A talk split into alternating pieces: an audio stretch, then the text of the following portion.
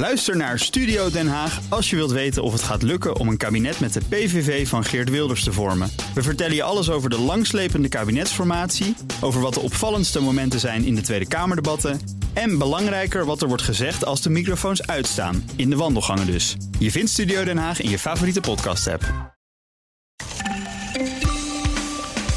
Werknemers krijgen een mager loonjaar en dat komt door corona. Donald Trump zette een verkiezingsofficial in Georgia onder druk om stemmen te vinden die hem de winst zouden opleveren. En als we obesitas beter hadden aangepakt, was de coronapandemie minder heftig geweest. Dit is Nieuwsroom, de dagelijkse podcast van het Financiële Dagblad en BNR Nieuwsradio met het nieuws verteld door de journalisten zelf. Ik ben Pauline Huuster en het is vandaag maandag 4 januari. So, so tell me, Brad, what are we going to do? Uh, we won the election, and it's not fair to take it away from us like this. Jij behoeft eigenlijk geen introductie, maar ik ga het toch even doen. Bernard Hammelburg, uh, buitenlandcommentator bij BNR. Uh, ja, we hebben het over het uurlang telefoontje van Donald Trump met Brad. Uh, jij hebt zijn achternaam vast beter uitspreekbare paraat. Ravensburger heet die man. En dat, is, dat heet in Staten, dus ook in Georgia, de Secretary of State. Dat betekent federaal minister van Buitenlandse Zaken. Maar in deze context betekent het minister van Binnenlandse Zaken. Dat is dus degene die bij verkiezingen toezicht houdt op de tellingen. En Trump die belde hem op om het te hebben over uh, de stemmen. En volgens mij wilde die uh, alle stemmen waarmee hij had verloren vinden en dan plus, nog eentje extra. Plus één, ja. Hij wilde er 11.780. So, look, all I want to do is this. I just want to find uh, 11,780 votes, which is one more than we have. Because we won the state. Find gebruikte hij dus. Vind voor mij eens 11.780 stemmen. Want dat is dan één meer dan waarmee Joe Biden heeft gewonnen in de staat. Ja, en wat dacht jij toen je dit hoorde, Bernard? Um, ik, het eerste wat ik dacht is: dit is een misdrijf. Uh, en ik ben niet de enige, want ja, daarna ben ik uh, uh, ongeveer naar elk Amerikaans nieuwsstation gaan kijken dat er is. Mm -hmm. En gisteravond tot diep in de nacht hadden die het nergens anders over. En van links naar rechts zeiden ze allemaal: ja, nee, dit, dit is echt over de rand. En normaal zou dit ook wat dan heet een impeachable uh, offense zijn. Dus er zit van alles in: machtsmisbruik, um, het uh, handlichten aan de waarheid. Maar, zegt iedereen die er verstand van heeft, daarover ja, dat is een hele moeilijke om te bewijzen, juridisch. Want misschien gelooft hij dit wel echt. Ja. Je, je, je, je kunt heel moeilijk een rechtszaak voeren over wat iemand denkt. Ja, want stel dat, nou ja, dit, dit, is zijn realiteit en hij denkt dat echt, dan zou het natuurlijk voor de bevolking, het volk, voor de democratie goed zijn dat die stemmen gevonden worden. Ja, en zo denkt hij. En, en dat zit er volgens mij ook achter. Uh, kijk, Trump weet natuurlijk al lang dat hij verloren heeft. Uh, maar er zijn, ik geloof, bijna wat is het, 73 miljoen, 74 miljoen mensen die op hem hebben gestemd. En een heel groot deel daarvan gelooft echt dat de verkiezingen door Biden zijn gestolen. Ja. En het is dus ook um, het spelen met zijn eigen achterban. De strijd om de Republikeinse Partij. Want dat, wordt dat nou de Republikeinse Partij of wordt het de partij van Trump? Daar is echt een gevecht over gaande in Washington en ook daarbuiten. Um, nou ja, en dat leidt dan, denk ik, tot dit soort dingen. En je ziet ook in de reacties. Ik hoorde vanmorgen uh, vriend en collega Jan Postma uit mm-hmm. Washington, onze correspondent. Uh, die, die had ook met allerlei mensen. Die is daar in Georgia, had met allerlei ja. mensen gesproken. En die, die, daar waren allemaal mensen bij die zeiden: Nou, maar heeft, we zijn blij dat hij dat doen, he, doet. Hij heeft groot gelijk. Dus onderschat dat niet hoor. Nee de timing nou ja, voelt niet geheel uh, ontoevallig. Want morgen zijn de runoffs in uh, Georgia. Die nou, best nog wel wat gaan uh, bepalen. Want misschien kan je dat even uiteenzetten voor de mensen. Wat ja, er nou wordt besloten. Ja, ja, elke staat heeft twee senatoren. Er zijn er in totaal 100. En de meeste, de, bij de, in de meeste staten is dat gewoon recht toe, recht aan kiezen. Um, maar in Georgia hebben ze, ik zal maar zeggen, het Franse systeem. Met presidentsverkiezingen heb je dat. Dus er wordt gestemd. En als een van de kandidaten niet een bepaald percentage haalt, dan moet er een tweede ronde komen. En dat is nu het geval en dat gebeurt morgen. En het gaat om twee senatoren. De zittenden zijn allebei republikeinen. De uitdagers zijn allebei democraten. En waarom is het zo belangrijk? Omdat als die twee democraten zouden winnen, dan wordt de verhouding in de Senaat precies 50-50. Uh, en aangezien de vicepresident formeel voorzitter is van de Senaat, dat is dus Kamala Harris, mm-hmm. zouden, de, zouden de, de Democraten dan de dunst denkbare meerderheid in de Senaat krijgen. Ja. En dat zou voor uh, de periode van Joe Biden, de komende vier jaar, echt dag en nacht verschil zijn. Als hij allebei de huizen heeft met een weliswaar dunne, maar toch meerderheid, ja, dan ziet het er heel anders uit dan wanneer de Senaat in republikeinse handen blijft. Dus er staat daar ontzettend veel op het spel. Ja, en is dan mijn uh, nou ja, vermoeden of wantrouwen dat dit misschien niet geheel ontoevallig over Georgia dan nu wordt gelekt er vlak voor? Of, of denk Ja. je dat het toeval is? Nee, natuurlijk niet. Nee hoor, dat, ik denk dat je helemaal gelijk hebt. Uh, alleen de vraag is of het helpt. Omdat uh, als je kijkt naar peilingen in Georgia, dan zie je iets wat de Republikeinen moet verontrusten. Omdat Trump en de zijnen steeds zo hameren op dat fraudeverhaal, Mhm. zijn er heel veel mensen in Georgia, Republikeinen vooral, die zeggen: Ja, ik ga nou niet nog een keer stemmen, want het wordt toch allemaal vervalst. Met die corrupte Met stemmachines. die corrupte stemmen. Dus Ja. het jaagt Republikeinen van de stembus weg.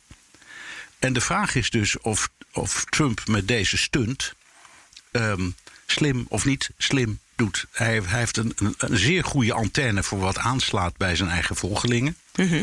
Dus misschien dat hij denkt: hier trek ik die twijfelaars op zijn minst weer terug naar de stembus. Want jij denkt dat het dan vanuit het Trump-kamp eh, gelekt zou zijn en niet bijvoorbeeld vanuit de meer democraten. Nee, dit kan niet. Want kijk, de, de- de- deze, bij, bij een telefoongesprek dat de president houdt, zijn altijd mensen bij Ja. Ehm, die meeluisteren. Er zijn- En dat, zijn, dat is eh, zeggen mensen uit zijn eigen staf. Mhm. Mensen die aantekeningen maken, mensen die een opname maken, mensen die ehm, eh, ook ehm, proberen om regieaanwijzingen te geven tijdens van alles en nog wat. Ja. En dus een, de, degene die het gelekt heeft, moet een van zijn eigen medewerkers zijn. Of, dat kan ook, een medewerker van, de, eh, van die. ehm, Die Republikeinse eh, meneer, Brad. meneer Ravensburger in, in Georgia. Dat zou ook kunnen. Ja. Ook, ook een overtuigde republikein en, en pro-Trump, overigens. ja. Hoewel er, wel, er werd wel wat weerstand gegeven vanuit die kant. Die, was die, die- man die zegt: Ik ben wel republikein en ik ben ook een eh, overtuigd volgeling van eh, deze president. Maar ik heb wel een ambtseed afgelegd. En ik heb naar alle eer en geweten en met alle middelen die er zijn, die stemmen geteld, herteld. Alle protesten bestudeerd. Ik bedoel, ik heb de, de hemel en aarde bewogen. En het is niet anders. Ik vind het ook vreselijk, maar we hebben verloren. ja. En dat was ook de boodschap aan eh, Trump. Hij zei ook, maar we hebben verloren en alles is goed. En die stemmachines, daar is echt niet mee geklooid. En sorry, u hebt het bij het verkeerde eind. The people of Georgia are angry. The people of the country are angry. And there's nothing wrong with saying that, you know, uh, that you've recalculated. Well, Mr. President, the challenge that you have is the data you have is wrong. Maar die hielp niet. Nee, en hij- hij en zijn advocaat werden ook nog, eh, eh, nou ja, je kan het haast wel bedreigd eh, noemen. ja, met, zeker, eh, zeker, zeker. Ja, Trump zei op een bepaald moment, als, je, als jullie dit niet doen... dan is dat een ehm, criminal offense. You know what they did, and you're not reporting it. That's a, you know, that's a criminal, that's a criminal offense. And and you know, you can't let that happen. That's that's a big risk to you and to Ryan, your lawyer. That's a big risk. Dus dan begaan, dan begaan jullie een misdrijf. Nou, dat is bedreiging en machtsmisbruik. Dus dan komen we weer terug bij je eerste vraag. Dat zou, dat zou een impeachable fact kunnen zijn. Maar ja, Hij gaat toch al weg. hij gaat toch al weg. Tenminste, denken we nog steeds. Ja, wel, dat zal, er- dat, dat, dat zal heus wel gebeuren. Maar goed, de, je, je had het over eh, Georgia, die verkiezingen van morgen. Er is nog iets heel belangrijks. Ja. Eén dag later, dat is eh, woensdag, dan wordt formeel de telling door het kiescollege uh, ter beoordeling voorgelegd aan het congres. Dat is uh, traditie. Mm-hmm. En het is um, staatkundig ook, ook noodzakelijk, want het congres, dus het parlement, is in elke democratie het hoogste uh, instituut. En ja. dat moet, dat moet de, de, telling van de verkiezing goedkeuren. En normaal is dat een hamerstuk. Dan komen de beide huizen bij elkaar. Onder leiding van de vicepresident. Uh, maar nu heeft een stel uh, Republikeinse senatoren en een heel stel Republikeinse leden van het Huis een debat aangevraagd om dit aan te vechten. Uh, dat is strikt genomen een formaliteit, want uit, uit nou ja, tellingen van, die nu al zijn gehouden blijkt dat in allebei de huizen voldoende stemmen zijn om de, de, de telling van dat kiescollege gewoon goed te keuren. Ja. Maar goed, dat wordt dan ook een paar uur spektakel. En ook daarbij denkt Trump: je weet maar nooit. Als ik nog een paar republikeinen over de streep trek, wordt misschien de verkiezingsuitslag wel afgekeurd. Dus het is, uh, ja, het is echt een schaakpartij in de laatste fase die die speelt. Ja, het zijn spannende dagen voor een uh, Amerika-podcastmaker, denk ik. Ach, wij hebben zo'n plezier in, Jan Posma en ik. En uh, vooral omdat hij nu in Georgia is, dus hij zit er echt middenin. Ehm, we hebben alleen normaal komt de podcast altijd op woensdagmiddag online. En mm-hmm. dat gaan we nu een, een, dagje uitstellen. Dus het wordt waarschijnlijk donderdag in de loop van de vroege avond. Omdat we de afloop van die dingen heel graag willen meenemen in de podcast. Dus alvast excuus aan de luisteraars. En, uh, maar ik hoop dat ze er begrip voor hebben. En het wordt een veel leukere podcast dan wanneer hem op woensdag zouden hebben gedaan. Nou, dan laten we dan afsluiten met een uh, bindende luistertip voor de Amerika-podcast van aankomende donderdag. Ik denk als je gaat naar bnr.nl slash Amerika-podcast of opzoekt in een podcast-app, dan moet je hem kunnen vinden, toch, Bernard? Jazeker. Ja, daar staat hij. Net, net, net als deze van jou belt met uh, de werkgeversorganisatie. Vraag of ze daar iets over kunnen uh, vertellen. En uh, dan krijg je ook gegevens en dan maak je een stukje van. Dus het is heel recht toe recht aan. Rick Winkel, welkom terug in de podcast. Jij schrijft over de arbeidsmarkt voor het Financieel Dagblad. Vandaag nou, voor werknemers een beetje een deprimerende kop misschien. ons wacht een mager loonjaar. Uh, ja, ja, het is maar beter om daar goed op voorbereid te zijn. En dat, het, dat je niet onaangename verrassingen achteraf krijgt, zullen we maar zeggen. Ja, en is dat een mager loonjaar in vergelijking met andere jaren überhaupt of in vergelijking met vorig jaar? Ja, ja het is een mager, het is in vergelijking met. met, met uh, kijk, het is een, een mager loonjaar vergeleken met de verwachtingen die je voor corona misschien wel had mogen hebben. En, daar zit een beetje de crux. Uh, de economie ging weer beter draaien, hè? Dat, nou, dat is al een paar jaar zo. Ja. En op een gegeven moment, als je dan dus die economie beter gaat draaien, dat dat vliegwiel eenmaal een beetje goed op gang is, dan komen eerst die, die, die bedrijven die spekken aan en die winsten komen op gang. En op een gegeven moment is dan het moment waarop ook de lonen gaan stijgen. Nou is er een hoop gedoe over altijd van de, de laatste jaren van of die lonen dan wel genoeg stijgen. Maar in ieder geval is, het wel zo, dus bij al die conjunctuurbewegingen, dan zie je die lonen op een gegeven moment toch omhoog gaan en dan gaan ze harder dan de inflatie. Dus dan gaan de werknemers er uh, reëel op uh, vooruit. En nou, daar heeft die coronacrisis, hè, die heeft dat, uh, daar een hele lelijke streep door gezet. Dus de verwachting dat je dit jaar misschien een loongroei van nieuwe cao's in nieuwe cao's zou hebben van uh, eh, 3 of nog wel hoger dan 3 procent, 3,5. Uh, ja, daar is niks van terecht gekomen. Vorig jaar al niet. Hè. Vorig jaar dat op 2,4 procent blijven steken. En als je nu kijkt naar de laatste afspraken die zijn gemaakt uh, in het vorig jaar, in december, dan zat het al op anderhalf procent. En als je dan nog een beetje verder kijkt en kijkt naar de cao's die, die vorig jaar zijn afgesloten en die dus dit hele jaar nog uh, van kracht zijn, ja. ja, nou dan kom je nog lager uit. Dan zit je op uh, 1,21 procent. En daar kun, je, daar kun je dan ook nog eens een keer een correctie op toepassen en kijken van, hè, want dat 1,21 procent is een gemiddelde van 26 cao's die zijn, uh, waarvoor dat dan geldt. Ja, die zo lang lopen. Uh, dat is het aantal cao's en dan kijk je gewoon hoeveel, hoeveel loonstijging zit daarin. Maar je kunt het ook nog corrigeren voor het aantal werknemers wat daar onder die cao's valt. Dus gewoon per, per cao kijken hoeveel werknemers zitten daaronder. Ja. En ja, dan is het maar 0,39 procent. Dus dat is echt, ja, dat houdt niet over. Nee, want dit is een analyse van de werkgeversorganisatie, toch? Dit is een analyse van de ADVN. Dat is een uh, soort, uh, ja, moet je dat zeggen? Dat is een soort uh, organisatie die de werkgevers adviseert over, over arbeidsvoorwaarden. De verklaring is dat dan puur corona, die zij ook geven? Ze geven daar niet echt een verklaring voor. Ze zeggen wel, dat er zijn bedrijven waar het echt heel slecht gaat. En dat weet natuurlijk iedereen. En er zijn andere bedrijven waar het uh, nog steeds heel goed gaat. En uh, wat zij zien is dat er een, verschil zit ook in de, in de manier waarop uh, die bedrijven dan omgaan met hun arbeidsvoorwaarden. Ja. Dus en als je wat meer ruimte hebt, ja, dan is dat ook logisch. Dat is niet met je, met je ABC.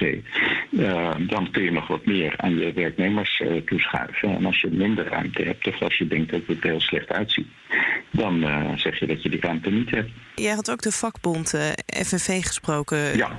dacht ik. Die, zien die dat ook zo? Nou, die bestrijden dat een beetje. Die zeggen wel van ja, dat, dat, dat verhaal dat horen we wel. Hè? En, en wij als vakbond zijn ook niet blind voor sectoren waar het slecht gaat. Daar gaan we heus niet het onderste kan uh, eisen.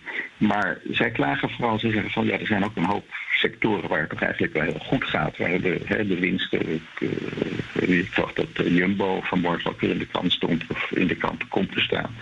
Uh, de, de, supermarkten, ja, dat gaat, daar hebben, die hebben natuurlijk geen centje pijn. Die hebben zelfs wat, wat, wat, nogal wat extra toeloop gehad.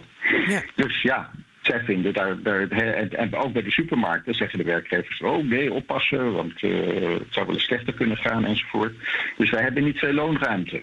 Nee. Wij zien niet veel loonruimte. Ja, dat ziet de werkgever misschien nou ja, sowieso niet zo vaak. Nee, dat, dat begin, je begint altijd om dat te zeggen. En je begint als, eh, als, werk, als vakbond natuurlijk ook altijd om te zeggen van nou wij zien loonruimte ja. genoeg. Maar zij zei, de vakbonden zien echt wel dat, dat, uh, die vinden dat dat niet klopt. Zeg maar. dat, de, dat de werkgevers daar iets te gemakkelijk of eigenlijk veel te gemakkelijk uh, roepen van uh, we hebben geen, uh, we zien geen manier om, om de lonen te verhogen. Te verhogen. Ja. Nou ja, dat, maar als ik jou dus goed begrijp, dan is eigenlijk, nou ja, vorig jaar ook al, maar dit jaar hadden de jaren moeten zijn dat de werknemers eindelijk gingen profiteren van economische groei. En, ja, gingen we dat allemaal binnenharken. En, en nou moeten we weer wachten tot nou ja, weer een paar jaar, denk ik, uh, dat dan de volgende crisis voorbij is. En dan een paar jaar hebben de bedrijven gespekt en dan zijn wij weer aan de beurt. Precies, precies, precies. En het is maar helemaal te ketten. Dat is natuurlijk heel erg ben je dan aan het, uh, aan het uh, koffiedik kijken. Ja. dit is natuurlijk een hele rare crisis. Dit is, ook, dit is ook niet een normale crisis. Hè. Dit is niet, niet omdat uh, de, de, economie oververhit raakt op een, op een bepaald moment en dat iedereen dan weer te veel krediet heeft opgenomen. En, uh, dat is nu niet het geval. Er is gewoon van buiten iets gekomen en daardoor, mede daardoor, staat opeens de helft van het land stil. Dus wat dat, wat dat gaat betekenen op langere termijn voor dingen als, als, uh, als uh, voor, voor, de arbeidsmarkt, hè, voor de vraag. De, het kan natuurlijk heel goed dat dit een soort onderbreking blijft. En dat de situatie die we daarvoor kenden. van dat het eigenlijk heel krap was op die arbeidsmarkt. Dat het heel moeilijk was om aan personeel te komen. Uh, dat, we, dat we daar heel snel weer op terug zijn. Dat is, uh, dat, dat, dat, is iets wat werkgevers natuurlijk, hè, de alle zuinigheid die natuurlijk op zijn plek is op zijn plaats is op dit moment. Moet je daar natuurlijk ook wel aan denken van god ja, misschien zit je over een jaar weer uh, als een gek naar personeel te zoeken.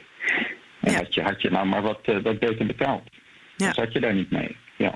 Ja, dus dat, dat iets royalere loonjaar, dat kan misschien ook wat sneller komen dan, uh, dan verwacht. Nou, de, de, de, de deskundigen zeggen dat de arbeidsmarkt op termijn krap blijft. Ja, dus goed, dan, is dan nog krijg je wel weer een ander probleem. Ja. Dan krijg je wel weer een ander probleem. Dat is namelijk dat dat natuurlijk niet uh, voor iedere beroepsgroep zo is. Want er zijn ook een hoop beroepen. En dat wordt nu door deze crisis wel weer versneld. Waarvan je zegt dan naar winkels bijvoorbeeld. ja, is wat, hoe gaat dat verder met Amazon en, en internet? het zou best kunnen dat daar natuurlijk heel veel, heel wat minder werk in is in de toekomst. Ja. Dus, ja, ik wilde met, met een positieve noot eindigen dat nou, er nog hoop was. maar, maar dat ligt een beetje aan in welke sector je zit en hoe snel het allemaal gaat. Precies, precies. Hoop is er altijd. Ik kamp al jaren met overgewicht. Op het hoogtepunt, of nou ja, eigenlijk het dieptepunt, woog ik denk ik zelfs wel meer dan 150 kilo. dat voor iemand die toen 20 jaar oud was. Ik ben Aaron Lopatti, journalist en maker van deze podcast. Oh, en ik heb morbide obesitas. Maar daar ga ik van afkomen. Ja, Aaron, dit, dit is jouw uh, podcast die jij hebt gemaakt uh, voor BNR en als afstudeerproject volgens mij. Ja, het is ook als afstudeerproject. Oh, dat ging even. ja, het is ook als afstudeerproject. Binnenkort krijg ik daar een beoordeling over. Dus ik ben benieuwd hoe het eigenlijk uit gaat pakken. Ja, het is volgens mij wel goed beluisterd, toch? In ieder geval. Ehm, ja, ik zag de, dagen daarna stond het in de, de Apple podcast, de meest beluisterde podcast, stond het op 60 volgens mij, tussen alle podcasts. En in uh, de categorie uh, gezondheid en fitness uh, stond het op één een paar dagen. Dus dat, nou, is, wel, dat is toch best bijzonder om te zien. Had, had, ik niet verwacht voor een afstudieproject. Nee, je, je bent al, nou ja, het is nu begin 2021. Hoe, hoeveel ben jij afgevallen in het afgelopen jaar? Zo'n 50 kilo. Ik woog, dat is een schatting, mm -hmm. 150 kilo uh, begin 2020. En nu weeg ik ietsjes boven de 100 kilo. Ehm, het is wel een schatting van dat ik 150 kilo woog, want ik durfde me nooit te wegen. in, voor eind juni 2020 heb ik me voor het eerst gewogen. Toen was ik al vijf, zes maanden bezig. Ja. en toen woog ik 136 kilo in juni. Dus ik gok dan een hele lichte schatting is dan dat ik meer dan 150 kilo woog. Ja, nou, en hoe dan ook, of de schatting precies klopt of niet, een enorme prestatie natuurlijk. Ja, dank. Ja, ja toch? Ja. ja, ik weet niet. Het, het, het, is gewoon gebeurd. Zo. Ja. Het is, het is, ik weet niet. Ik, ik, ik vind het raar om het zo te zeggen over mezelf of zo. Het is misschien een valse bescheidenheid. Ja. Maar uh, ik weet niet. Ik vind het moeilijk. Nou, bij deze vanuit mij, ik vind het uh, heel knap. Uh, en, Bedankt. En we hebben het niet alleen uh, nu over jouw uh, podcast, omdat dat heel knap is, maar ook omdat er wat nieuws uitkwam over de coronapandemie. Want jij had gesproken met Liesbeth van Rossum. Zij, zij werkt volgens mij en als internist en als hoogleraar obesitas aan het Erasmus? Ja, precies, dat klopt. Uh, zij werkt daar en uh, zij verzorgt ook uh, coronapatiënten. en ja, het viel haar op, en het is ook uit onderzoek gebleken, dat een groot deel van de mensen die in het ziekenhuis belanden met het coronavirus, dat die overgewicht hebben. Ja. Dat, ze zei zo'n driekwart van de mensen die in het ziekenhuis ligt, ja, die is te zwaar. Ja dan uh, is de volgende eigenlijk gevolgtrekking dat als we obesitas beter hadden aangepakt in de jaren hiervoor, uh, dan zegt zij, dan was de coronapandemie ook lang niet zo heftig geweest. Stel dat, dat iedereen in de wereld gezond zou leven. En uh, dat, uh, dat er weinig mensen zouden zijn met obesitas en overgewicht. En ik wil niet zeggen dat obesitas trouwens altijd door ongezond leven is. Want er zijn tal van andere oorzaken ook. Maar als we in ieder geval gezond zouden leven. En um, niet blootgesteld staan aan die voedselomgeving. Met allemaal ongezonde producten. Waardoor mensen die ook in armoede leven of wat dan ook. We veel makkelijker andere keuzes maken dan gezond is. Dat we echt veel minder schade zouden hebben kunnen van deze pandemie. Als mensen uh, een gezonder voedingspatroon zouden hebben, uh, beter zouden bewegen, uh, beter zouden gaan slapen, minder stress zouden hebben, maar ook minder blootgesteld zouden worden aan een ongezonde voedselomgeving, dan, ja, dan waren we gewoon met z'n allen veel gezonder. was overgewicht een minder groot probleem. en dan zou deze coronapandemie ook minder impact hebben gehad.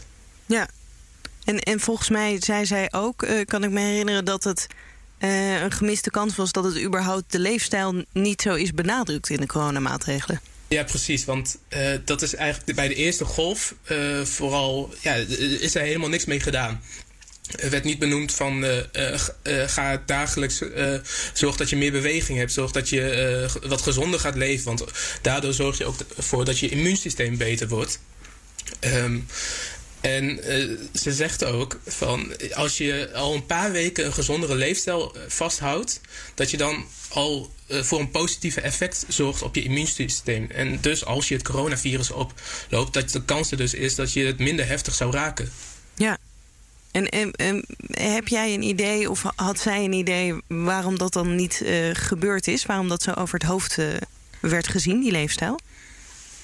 Ja, ja, mijn idee, van haar heb ik het niet direct gehoord, maar mijn idee daarbij is gewoon dat uh, het ja, ja, niet zichtbaar was. Of dat ze het niet wisten van we moeten dit even benadrukken. En dat ze te veel bezig waren met de coronamaatregelen. Nou, niet te veel, dat ze gewoon heel erg bezig waren met de coronamaatregelen aan zich. En inmiddels is dat wel een beetje aan het veranderen. Uh, het ministerie van Volksgezondheid is, heeft uh, vlak voor de jaarwisseling bijvoorbeeld een campagne uh, gestart om te zorgen dat mensen meer gaan bewegen. Dus bijvoorbeeld iedere dag een, een half uurtje gaan wandelen. Uh, maar ook tijdens de, uh, pers, de laatste persconferenties werd ook gezegd dat uh, een gezonde leefstijl aanhouden, dat dat voor een positief effect kan zorgen op je immuunsysteem. En dus het verloop van de infectie als je die oploopt. Ja. Dus het is wel iets meer ja, nu onder de aandacht bij het ministerie van Volksgezondheid, bij premier Rutte en minister Hugo de Jonge. Ja, maar inmiddels zijn de sportscholen nog wel steeds dicht. Ja, die zijn nog wel steeds dicht. Dus uh, voor mij is dat ook uh, wel moeilijk uh, om mee, te, hand, mee te handelen. Maar ja. ik probeer me uitwegen te vinden in thuissporten en hardlopen.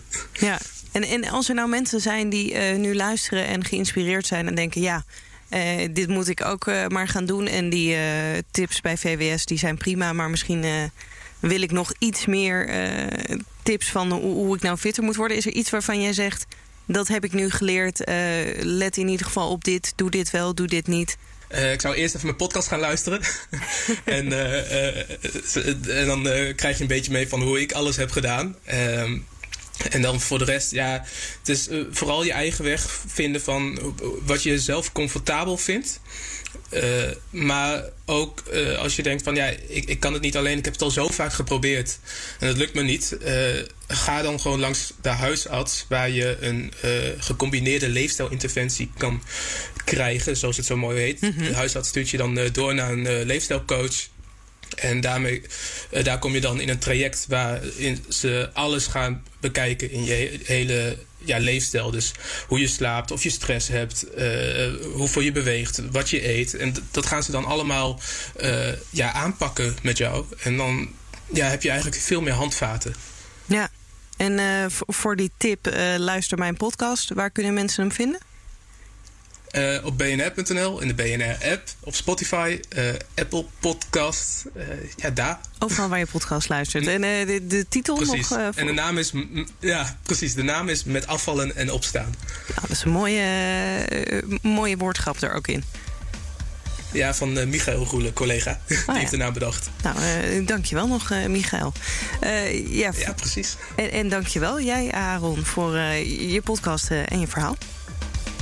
Yes, ook hartstikke bedankt. En hiermee zijn we aan het einde van Newsroom voor vandaag. Wil je iets terugvinden waar we het over hadden in deze aflevering... dan kan dat in de show notes bnr.nl slash newsroom. Wil je reageren op deze aflevering? Dat kan per mail newsroom.bnr.nl of newsroom.fd.nl. En wil je morgen weer een verse Newsroom in je podcastfeed? Abonneer je dan even op Newsroom in je favoriete podcast-app. Heel graag tot morgen.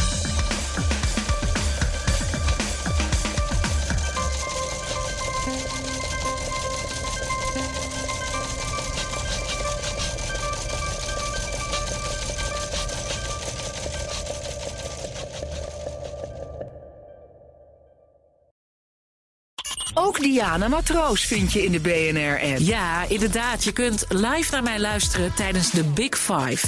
Ook handig in de BNR-app. Breaking nieuwsmeldingen, maar ook het allerlaatste zakelijke nieuws. En je vindt in de app alle BNR-podcasts, waaronder Wetenschap Vandaag. Download nu de gratis BNR-app en blijf scherp.